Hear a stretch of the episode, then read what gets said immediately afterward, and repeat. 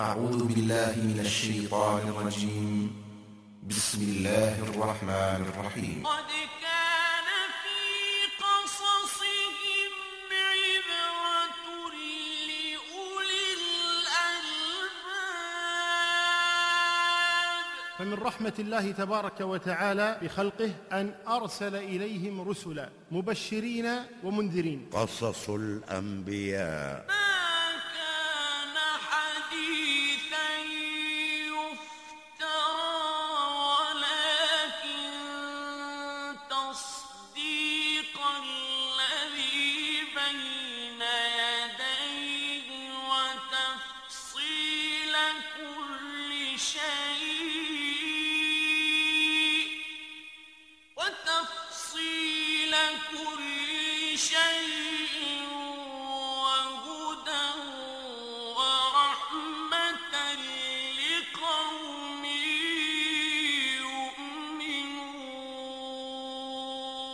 تسجيلات إيلاف الإسلامية للإنتاج والتوزيع في الكويت. تقدم قصص الأنبياء. كلامنا في هذه السلسلة عن سير وقصص الأنبياء الذين قال الله تبارك وتعالى أولئك الذين هدى الله فبهداه مقتده للشيخ عثمان بن محمد الخميس. كذلك نقص عليك من أنباء ما قد سبق وقد آتيناك من لدنا ذكرا قصص الأنبياء. الرسل الذين ذكرهم الله تبارك وتعالى في القرآن خمسة وعشرون. آدم نوح هود. إذ قال لهم أخوهم هود ألا تتقون؟ شعيب أيوب داود سليمان يونس إبراهيم إسحاق يعقوب يوسف لوط موسى قصص الأنبياء. بسم الله الرحمن الرحيم. الحمد لله رب العالمين والصلاة والسلام على سيد الأنبياء والمرسلين وعلى آله وصحابته أجمعين. أما بعد فهذا إصدار جديد لقصص الأنبياء قام بإخراجه إخواننا في جمعية إحياء التراث الإسلامي فرع الرميثية وسلوى. رغبة منهم في المشاركة في خدمة العلم وتسهيل تحصيله والانتفاع به. وتم تقسيم المادة إلى دروس قصيرة بلغت خمسة وستين درسا مرتبة ومعنونة بحسب الوقائع والأحداث. ووضعت عناوين مفصلة لها. ولقد اطلعت عليها فوجدتها نافعة ومفيدة. نسأل الله جل في علاه أن يتقبل منا ومنهم وأن يبارك في جهودهم وأن ينفع بهذه المادة قائلها وسامعها وكل من ساهم في نشرها. اللهم آمين. جمعية إحياء التراث الإسلامي فرع رميثية وسلوى تدعوكم للمساهمة في إعادة طباعة المادة والمساهمة في مشاريعها الخيرية. للاتصال تسعة تسعة ثمانية سبعة واحد ثمانية ستة خمسة أو تسعة تسعة واحد واحد تسعة ثلاثة واحد واحد. ولمعرفة مشاريعنا الخيرية وإصداراتنا زوروا موقعنا الإلكتروني تراث kw.com الدرس الأول مقدمة عن النبوة وفضل الأنبياء ومكانتهم عقيدتنا في الأنبياء مطاعن أهل الكتاب فيهم. الحمد لله حمدا كثيرا طيبا مباركا فيه كما يحب ربنا ويرضى الحمد لله فاطر السماوات والأرض فالق الإصباح والنور وأشهد أن لا إله إلا الله وحده لا شريك له وأشهد أن محمدا عبده ورسوله. يا أيها الذين آمنوا اتقوا الله حق تقاته ولا تموتن إلا وأنتم مسلمون. يا أيها الناس اتقوا ربكم الذي خلقكم من نفس واحدة وخلق منها زوجها وبث منهما رجالا كثيرا ونساء واتقوا الله الذي تساءلون به والأرحام إن الله كان عليكم رقيبا. يا أيها الذين آمنوا اتقوا الله وقولوا قولا سديدا. يصلح لكم أعمالكم ويغفر لكم ذنوبكم. ومن يطع الله ورسوله فقد فاز فوزا عظيما. أما بعد فإن المتأمل في هذا الكون بسمائه وأرضه ونجومه وكواكبه وشجره وزرعه وثمره لا شك أن عقله يهديه إلى وجود خالق عظيم مدبر لهذا الكون. ولكن ما هي صفات هذا الخالق؟ ولماذا خلقنا؟ وبماذا أمرنا؟ وعن ماذا نهانا؟ وما جزاء من يطيع؟ وما جزاء من لا يطيع؟ كل هذه الأمور لا يمكن أبدا للعبد الضعيف أن يتعرف عليها إلا أن يخبره هذا الخالق. فمن رحمة الله تبارك وتعالى بخلقه أن أرسل إليهم رسلا مبشرين ومنذرين يعرفون الناس بهذا الرب سبحانه وتعالى. من هو؟ ما أسماؤه؟ ما صفاته؟ ماذا يريد منا؟ عن ماذا ينهانا؟ ما جزاء من يطيع؟ ما جزاء من يعصي؟ هؤلاء الرسل هم الواسطة بين الله تبارك وتعالى وبين خلقه في التبليغ يبلغون عن الله تبارك وتعالى ما يريد أن يوصله إلى عباده سبحانه وتعالى. فيعرفون الناس ما ينفعهم في معاشهم وفي معادهم ما يرضي ربهم وما يسخطه سبحانه وتعالى. فيعمل الناس على تحقيق محاب الله جل وعلا ويعملون كذلك على تجنب ما يغضب الله جل وعلا. والناس لا شك بحاجة عظيمة لهؤلاء الرسل بل حاجتهم إليهم كما يقول ابن القيم رحمه الله تعالى حاجة الناس إلى الشريعة ضرورية فوق حاجتهم إلى كل شيء. وذلك أن الشريعة مبناها على تعريف مواقع رضا الله تبارك وتعالى وسخطه في حركات العباد الاختيارية والتي هي مبناها على الوحي المحض. لا يمكن أبدا للعقل أن يجتهد في معرفة ما يريده الله منه بل هذا مبناه على الوحي المحض كما يقول ابن القيم رحمه الله تعالى. ويكمل قائلا والحاجة إلى التنفس فضلا عن الطعام والشراب غاية ما يقدر في عدم التنفس والطعام والشراب موت البدن وتعطل الروح عنه. وأما ما يقدر عند عدم الشريعة ففساد القلب والروح جملة. وهلاك البدن وشتان بين هذا وهلاك البدن بالموت. فليس الناس قط أحوج إلى شيء أحوج منهم إلى معرفة ما جاء به الرسول والقيام بالدعوة إليه والصبر عليه وجهاد من خرج عنه حتى يرجع إليه. وليس للعالم صلاح بدون ذلك البتة ولا سبيل إلى الوصول إلى السعادة والفوز الكبير إلا بالعبور على هذا الجسم. كلامنا في هذه السلسلة التي نسأل الله تبارك وتعالى أن يتمها على خير وأن ينفع بها قائلها وسامعها. كلامنا هو عن سير وقصص الأنبياء الذين قال الله تبارك وتعالى أولئك الذين هدى الله فبهداه مقتده هذه القصص قصص الأنبياء ستكون محور حديثنا في هذه الجلسات. اولا مقدمة عن هؤلاء الأنبياء من هم؟ وما صفاتهم؟ وما حقوقهم؟ وكيف نتعرف عليهم؟ وما الفرق بينهم؟ هذا ما سنتناوله إن شاء الله تبارك وتعالى في درس هذه الليلة. اولا النبوة منحة إلهية. لا يمكن ابدا أن يكون العبد نبيا بالاكتساب بل هي منحة إلهية. ولذلك نبأ الله تبارك وتعالى عيسى ويحيى وهما صغيران كما هو معلوم. والله نبأ عيسى وهو في المهد ونبأ يحيى وهو صغير. صلوات الله وسلامه عليهما. ولذلك قال الكفار لولا نزل هذا القرآن على رجل من القريتين عظيم. فبين الله لهم بقوله أهم يقسمون رحمة ربك؟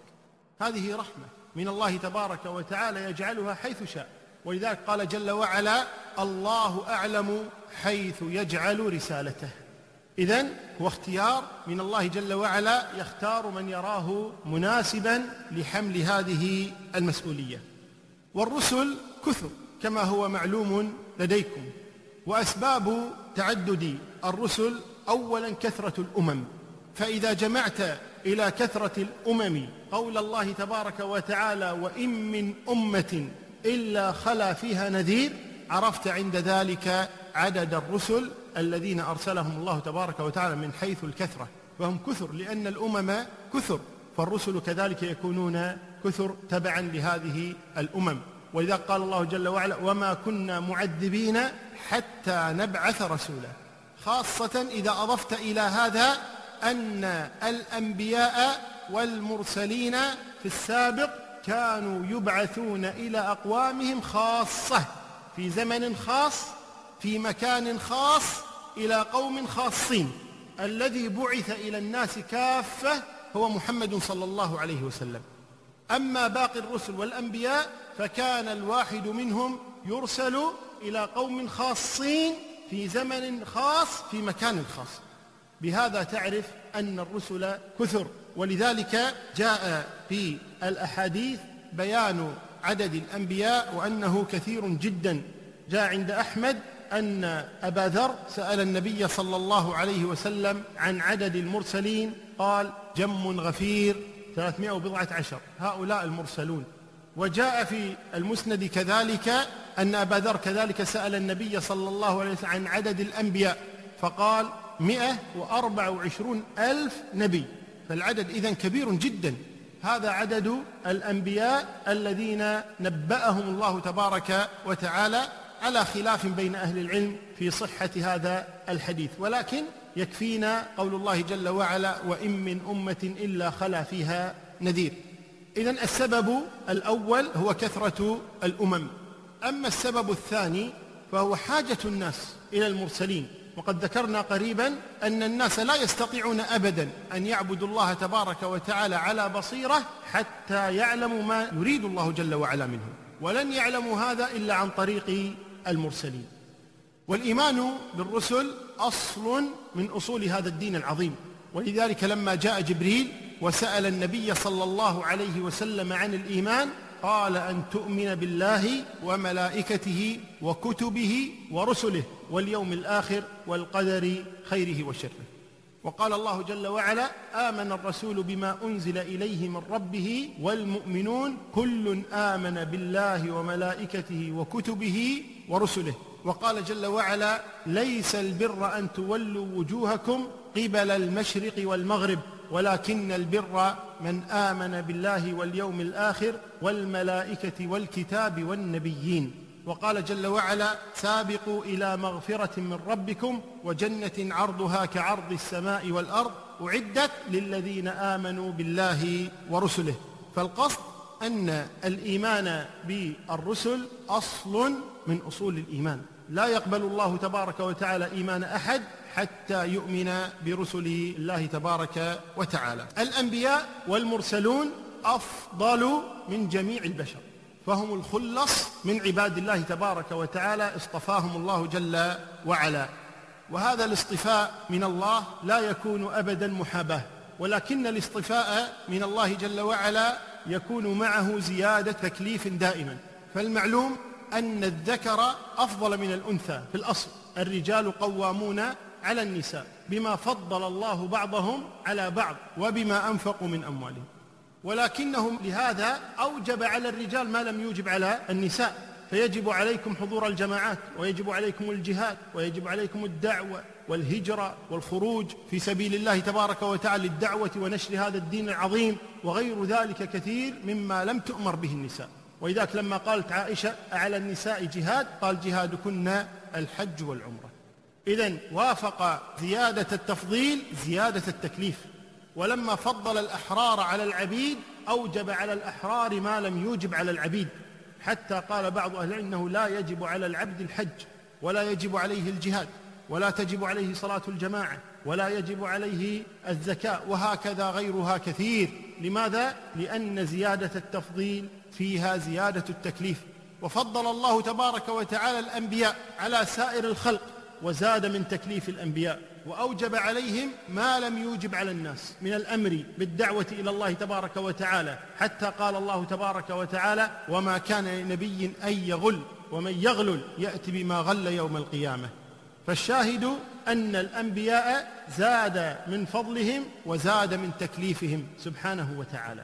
ولذلك يجوز لك في القتال أن تفر إذا كان العدو أكثر من الضعف. أما النبي فلا يجوز له أن يفر بأي حال من الأحوال فأوجب عليهم ما لم يوجب عليك. والمرسلون أفضل من الأنبياء فزاد تكليفهم على الأنبياء كما سيأتي في تعريف النبي والرسول. وأولو العزم إنما سموا أولو العزم للمشقة التي لاقوها في الدعوة إلى الله تبارك وتعالى. فهذا إبراهيم عليه الصلاة والسلام وموسى ونوح وعيسى ومحمد صلى الله عليه وسلم. هؤلاء هم أولو العزم من الرسل ولك أن ترجع إلى قصص هؤلاء الرسل الخمسة حتى تعرف المعاناة والجهد والبذل الذي بذلوه في سبيل الدعوة إلى الله تبارك وتعالى وما كان هذا إلا لأن الله فضلهم على غيرهم من البشر فزاد من تكليفهم ولذلك سموا بأولي العزم. فكلكم يعرف حديث موسى وسيأتينا تفصيله إن شاء الله تعالى. وكلكم يعرف حديث إبراهيم وما وقع له مع أبيه ومع ملك بابل ومع أهله ومع قومه ومع أولاده وكلكم يعرف حديث نوح وكم مكث في قومه يدعو إلى الله تبارك وتعالى. وأما عيسى فإنه بذل الشيء الكثير ولم ينتهي دوره بعد وسينزل مرة ثانية إلى هذه الأرض حتى يكمل دعوته. ولا يخفى على الجميع دور سيدنا محمد صلى الله عليه وسلم في الدعوة إلى الله جل وعلا. فالأنبياء إذن هم خير البشر وكل من فضل غير الأنبياء على الأنبياء من البشر فإنه كافر. لا يجوز أبدا أن يفضل غير النبي على النبي بل أجمع أهل العلم على أن من فضل غير الأنبياء على الأنبياء على أنه كافر والعياذ بالله. لكن الأنبياء أنفسهم يفضل بعضهم بعضا. كما قال الله تبارك وتعالى ولقد فضلنا بعض النبيين على بعض وقال تلك الرسل فضلنا بعضهم على بعض. منهم من كلم الله ورفع بعضهم درجات. وآتينا عيسى ابن مريم البينات وأيدناه بروح القدس. ولو شاء الله ما اقتتل الذين من بعدهم من بعد ما جاءتهم البينات. ولكن اختلفوا فمنهم من آمن ومنهم من كفر. ولو شاء الله ما اقتتلوا ولكن الله يفعل ما يريد. فالله يفضل بعض الأنبياء وبعض المرسلين على بعض. ولذلك قلنا إن الرسل أفضل من الأنبياء وأولو العزم أفضل من سائر الرسل. وسيدنا محمد صلى الله عليه وسلم هو سيد أولي العزم. ولذلك جاء عنه أنه قال أنا سيد ولد آدم ولا فخر. صلوات الله وسلامه عليه. وجاء كذلك قول الله تبارك وتعالى وإذ أخذنا من النبيين ميثاقهم ومنك ومن نوح وإبراهيم وموسى وعيسى بن مريم وأخذنا منهم ميثاقا غليظا. ويقول صلوات الله وسلامه عليه فضلت على الأنبياء بست أعطيت جوامع الكلم ونصرت بالرعب مسيرة شهر في تبوك. لما خرج صلوات الله وسلامه عليه إلى تبوك نصره الله بالرعب فألقى الله الرعب في قلوب النصارى ففروا وتركوا الغنائم فذهب النبي إلى تبوك ولم يقاتل ورجع بالغنائم صلوات الله وسلامه عليه. مسيرة شهر نصره الله بالرعب وقال وأحلت لي الغنائم. وذلك أن الأنبياء السابقين إذا كانوا في قتال لا يغنمون شيئا. وإنما إذا انتهى القتال جمعت الغنائم في مكان فنزلت نار من السماء فأخذتها.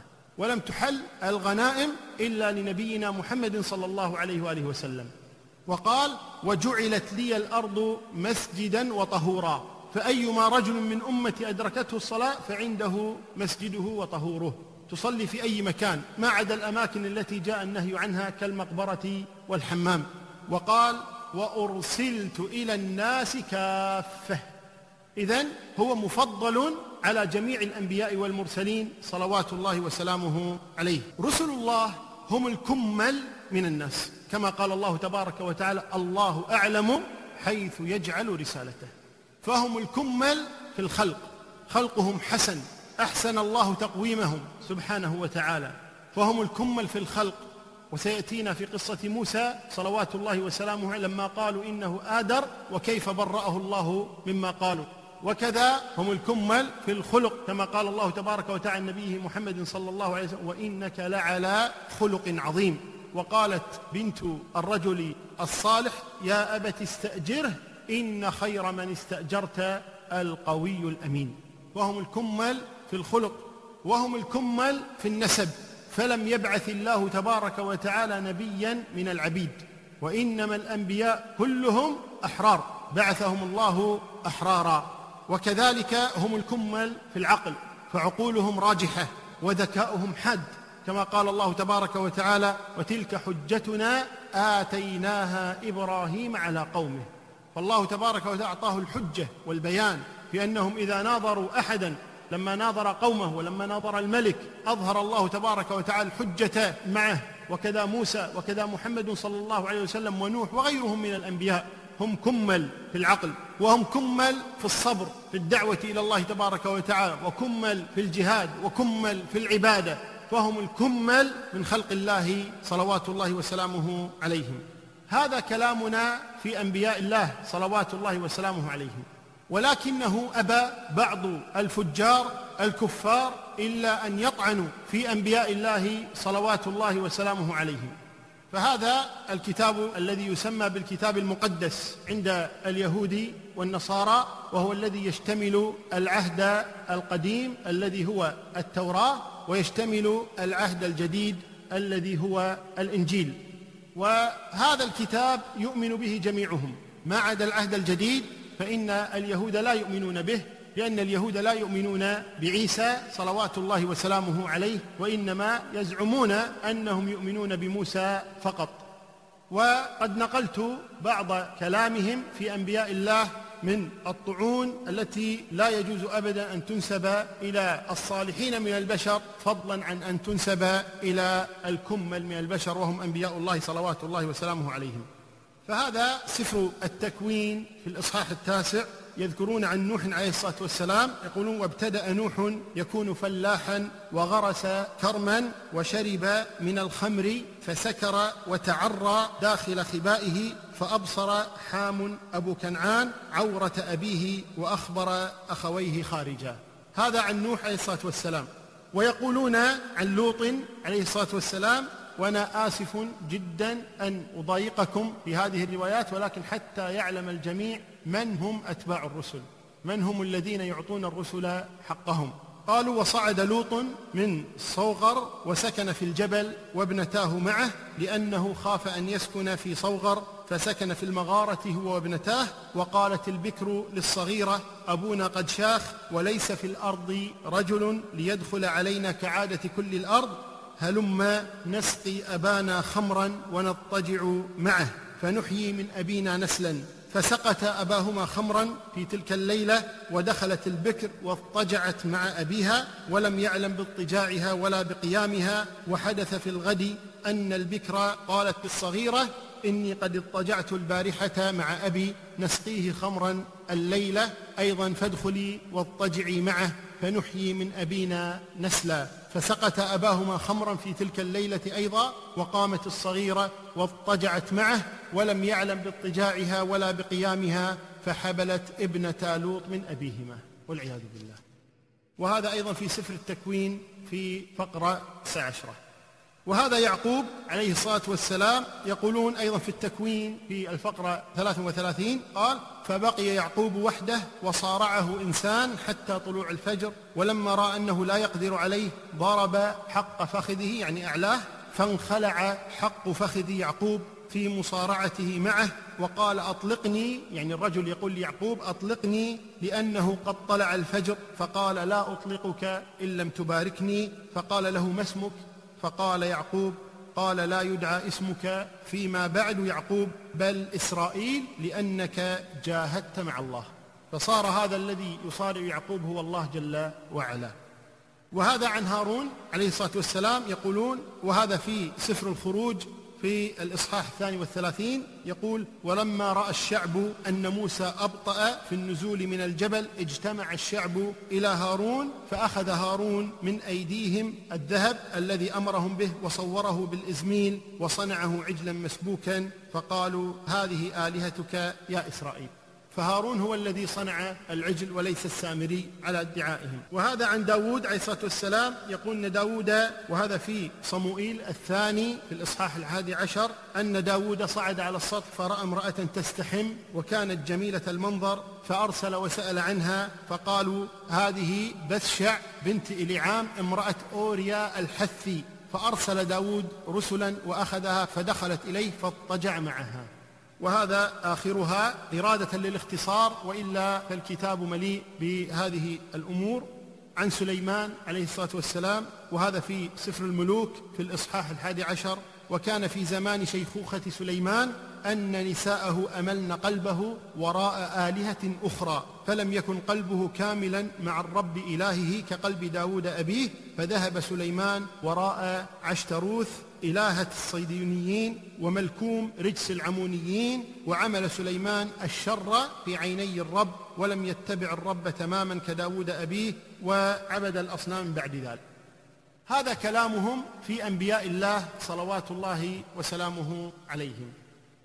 رسل الله بشر كسائر البشر تماما فليسوا من الملائكة وإنما هم من البشر كما قال النبي صلى الله عليه وسلم في قول الله تبارك قل إنما أنا بشر مثلكم. بشر. وقال الله جل وعلا وما منع الناس أن يؤمنوا إذ جاءهم الهدى إلا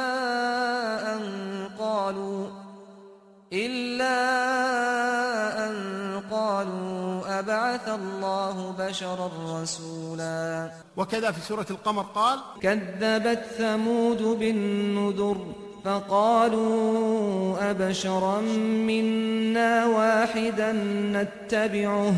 إنا إذا لفي ضلال وسعر. أألقي الذكر عليه من بيننا بل هو كذاب أشر. سيعلمون غدا من الكذاب الأشر. وكون الرسل من البشر لا شك أن حكمته ظاهرة جدا حتى يتمكن العباد من الأخذ منهم والاقتداء بهم. كما قال سبحانه وتعالى ولو جعلناه ملكا جعلناه رجلا وللبسنا عليهم ما يلبسون. أي لو جعلنا الرسول ملكا لما كان يمكنهم أصلا أن يحادثوه ولا أن يكلموه. كيف؟ والنبي صلى الله عليه وسلم لما رأى جبريل على صورته الحقيقية صرع صلوات الله وسلامه عليه. سقط مغشيا عليه. لما رأى جبريل على صورته الحقيقية له ستمائة جناح قد سد الأفق. فكيف بالله عليكم يتحمل الناس رؤية الملائكة ويجلسون معهم؟ لا يستطيعون أبدا. إذا ماذا سيكون؟ سيصور الله الملائكة على صورة البشر كما جاء جبريل وسأل النبي صلى الله عليه وسلم. فإذا جاء الملك على صورة رجل وقال أنا ملك ولكن على صورة رجل قالوا لا ائتنا بالملك. والملك لا يأتيهم لأنهم لا يتحملون. إذا كيف يقبلون؟ لا يمكن أبدا. ولذا قال الله تبارك ولو جعلناه ملكا لجعلناه رجلا. ولا لبسنا عليهم ما يلبسون. يعني ما استفادوا شيئا من كونه ملك. نسأل الله تبارك وتعالى أن يوفقنا وإياكم إلى ما يحب ويرضى والله أعلى وأعلم وصلى الله وسلم وبارك.